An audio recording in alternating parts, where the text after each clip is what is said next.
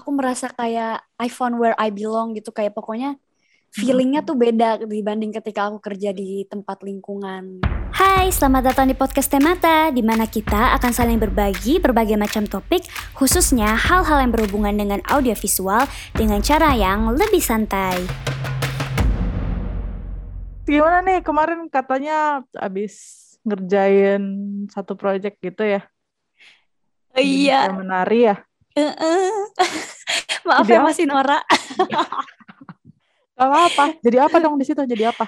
Aku awalnya kan um, ya sebagai kreatif dari Temata kan, jadi bantu usulin ide tuh mau konsepnya kayak apa. Terus um, sama Mas Aryo disuruh ikut syuting. Mm-hmm. Terus Mas Jerry, Mas Jerry cerita ke aku kan, Mas Jerry mikir kayak, aduh, Anissa dijadiin apaan ya kalau ikut syuting. Terus ya udah diassign jadi Astrada, asisten sutradara. Dan ternyata tuh Astrada tuh kayak wow gitu apalagi buat anak baru kan. Terus, mm -hmm. terus juga kerjaannya seru jadi kayak seneng banget dan kayak happy dan bersyukur banget lah dapet kesempatan gitu. Keren keren.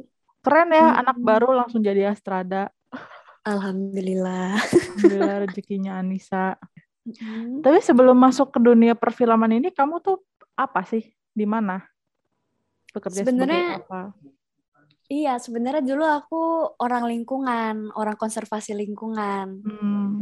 Uh, terus uh, ini ceritanya tuh cukup panjang gitu ya. Kenapa aku bisa sampai di titik masuk ke industri audiovisual gitu. Jadi mm-hmm. dulu itu dari dari kecil ya aku tuh memang suka gambar dan nulis. Tapi pas SMA aku kepengen masuk DKV atau arsitektur sama mama aku nggak dibolehin. Mm-hmm. Kayak katanya um, sayang lah anak IPA masuknya jurusan IPS mending coba dulu IPA apa jurusan IPA juga. Terus dia tuh ngambil ilmu lingkungan. Nah pas um, kebetulan pas aku ngambil ilmu lingkungan selama kuliah kalau aku magang tuh selalu ditaruhnya di um, komunikasi. Di komunikasi biasanya disuruh bantu-bantu nulis bantu-bantu terjemahan bahasa Inggris bahasa Jepang. Terus juga ya bantu bikin PowerPoint.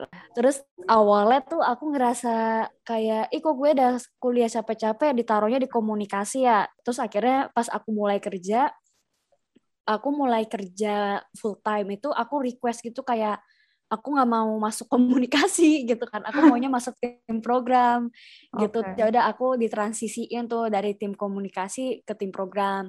Tapi ujung-ujungnya selama dua tahun aku bekerja aku tetap bantuin tim komunikasi gitu apa dan selama aku bekerja di um, divisi program untuk NGO konservasi lingkungan um, aku tuh merasa aku lebih happy ketika aku ngerjain tugas-tugas komunikasi dibanding tugas-tugas uh, program gitu. Kemudian aku resign. Aku resign karena kebetulan memang lagi ada banyak urusan waktu itu jadi memang sulit untuk ngatur jadwal dan juga aku mau mencoba ngejar jadi penulis. Nah, tadinya tuh maunya jadi penulis akademis gitu karena lebih terbiasa nulis skripsi dan akademis kan hmm. apa sama aku kerja di yang tempat dulu ya. Terus kebetulan sama ini nih asisten produsernya Temata Studios dikasih info lowongan ada lagi Temata Production nyari kreatif. Wih. Terus ya udah deh. Ya udah deh aku daftar. Wih, lumayan ya perjalanannya lumayan hmm. panjang. Tapi jauh banget ya dari anak lingkungan tiba-tiba ke asisten direktur tuh jauh banget. Direktur. Iya. Asisten direktur. Itu jauh sekali.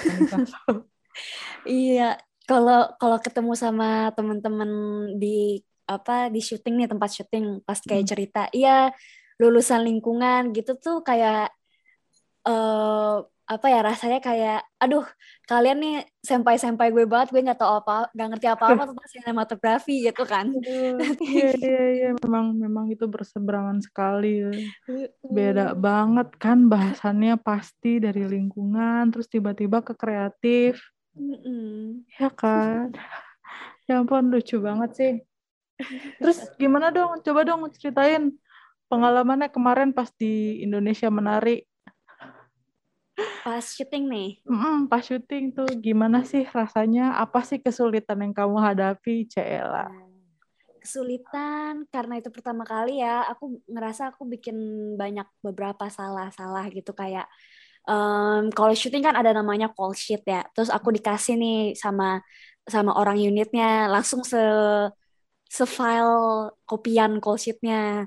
Waktu itu aku hmm. nggak paham ya udah aku pegang satu doang dan ternyata call sheet itu harusnya kita bagi-bagiin ke semuanya ada di situ apa ada di lokasi syuting. Aku waktu itu cuma bagi ke sutradara, ke produser sama tim makeup, tim makeup and wardrobe kan hmm. untuk itu talentnya. Dan um, aku merasa itu hal kesalahan yang aku sesali karena karena jadi banyak banget kertas mubazir gitu sebagai anak yang dulunya anak lingkungan itu tuh kayak eh kesel gitu. Gitu sih. untuk apa gitu ya ternyata harusnya dibagiin ke semua. Iya. Terus kesulitan lainnya mungkin um, karena ini juga pertama kalinya aku jadi sebenarnya sebelum masuk temata nih aku orangnya pendiam sama orang baru.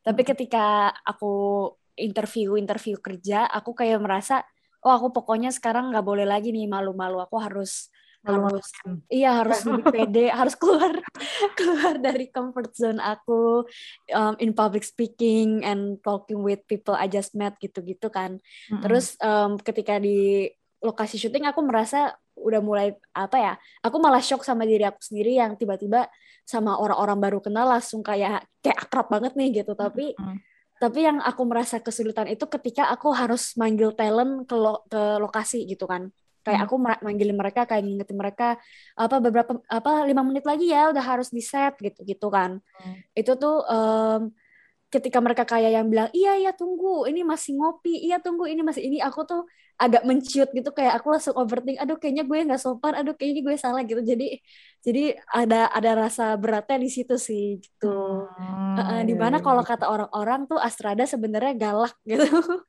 Galak kayak kayak ayo cepetan udah lima menit lagi gitu, gitu. iya iya iya iya.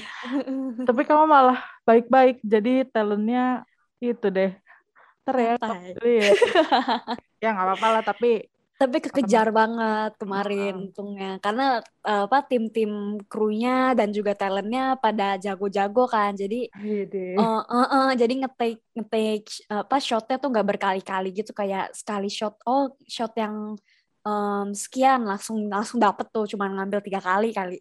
Wah jago banget itu gitu, jadi cepat pada kru yang bertugas itu iya ya ampun Seru deh. Terus kalau iya. misalkan ada syuting-syuting berikutnya, terus kamu mau dijadiin, terus kamu disuruh jadi asisten director lagi dong, mau nggak? Mau banget, mau banget, malah berharap. mau banget tuh. Ntar aku iya. bilang ya, Mas nih mau nih Mas nih. Ini berarti tahun keberapa kamu kerja di industri kreatif?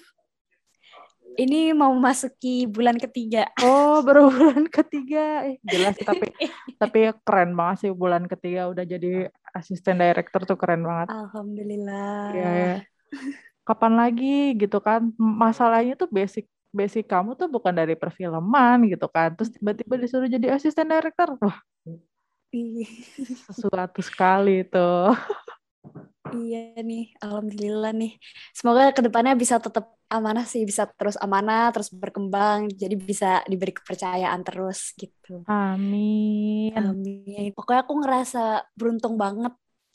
Um, jadi pas aku jadi Astrada itu, aku awalnya udah kayak excited, deg-degan, terus ketika sama Ica nih, mm-hmm. asisten produksi asisten produ production ya dia production assistantnya Temata Studios dia nge, nge WA aku kan Kenis apa kamu beruntung banget loh baru baru baru langsung jadi Astrada nggak semua orang bisa dan lain-lain itu tuh aku langsung semangat banget dan aku ngerasa kayak kayak ini aku jadi jadi spill my dream deh tapi aku ngerasa kayak I found my place gitu. I found my place I found where I belong um, in terms of career gitu. Jadi dulu aku sangat suka dengan binatang kan.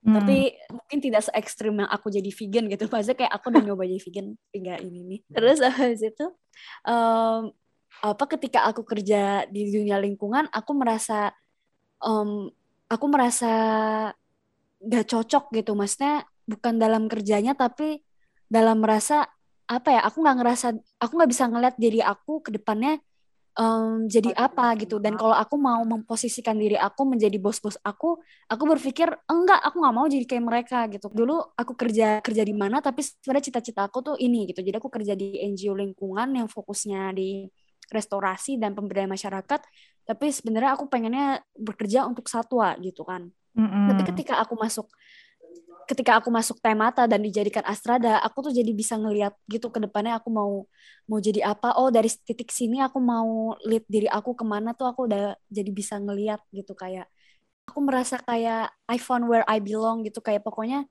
feelingnya tuh beda dibanding ketika aku kerja di tempat lingkungan gitu. Hmm. Hmm. Emang aku juga pas kamu datang juga kaget gitu kan. Hah, dari mana? Hah, dari lingkungan Hah, masuk kreatif gitu. Oh, ternyata dia emang kreatif aja sih anaknya. Alhamdulillah.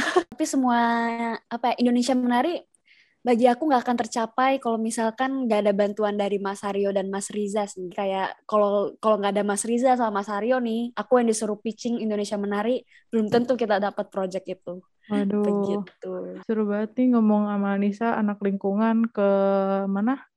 Kreatif Oke, kalau begitu terima kasih banyak Anissa sudah menyempatkan waktunya dengan dalam podcast yang tidak jelas ini, podcast lebih santai. Semoga ke depannya kita bisa ngobrol-ngobrol lagi dengan bahasan yang berbeda. Oke, siap-siap. See you sampai See you. podcast selanjutnya. Sampai jumpa di podcast selanjutnya. Dadah.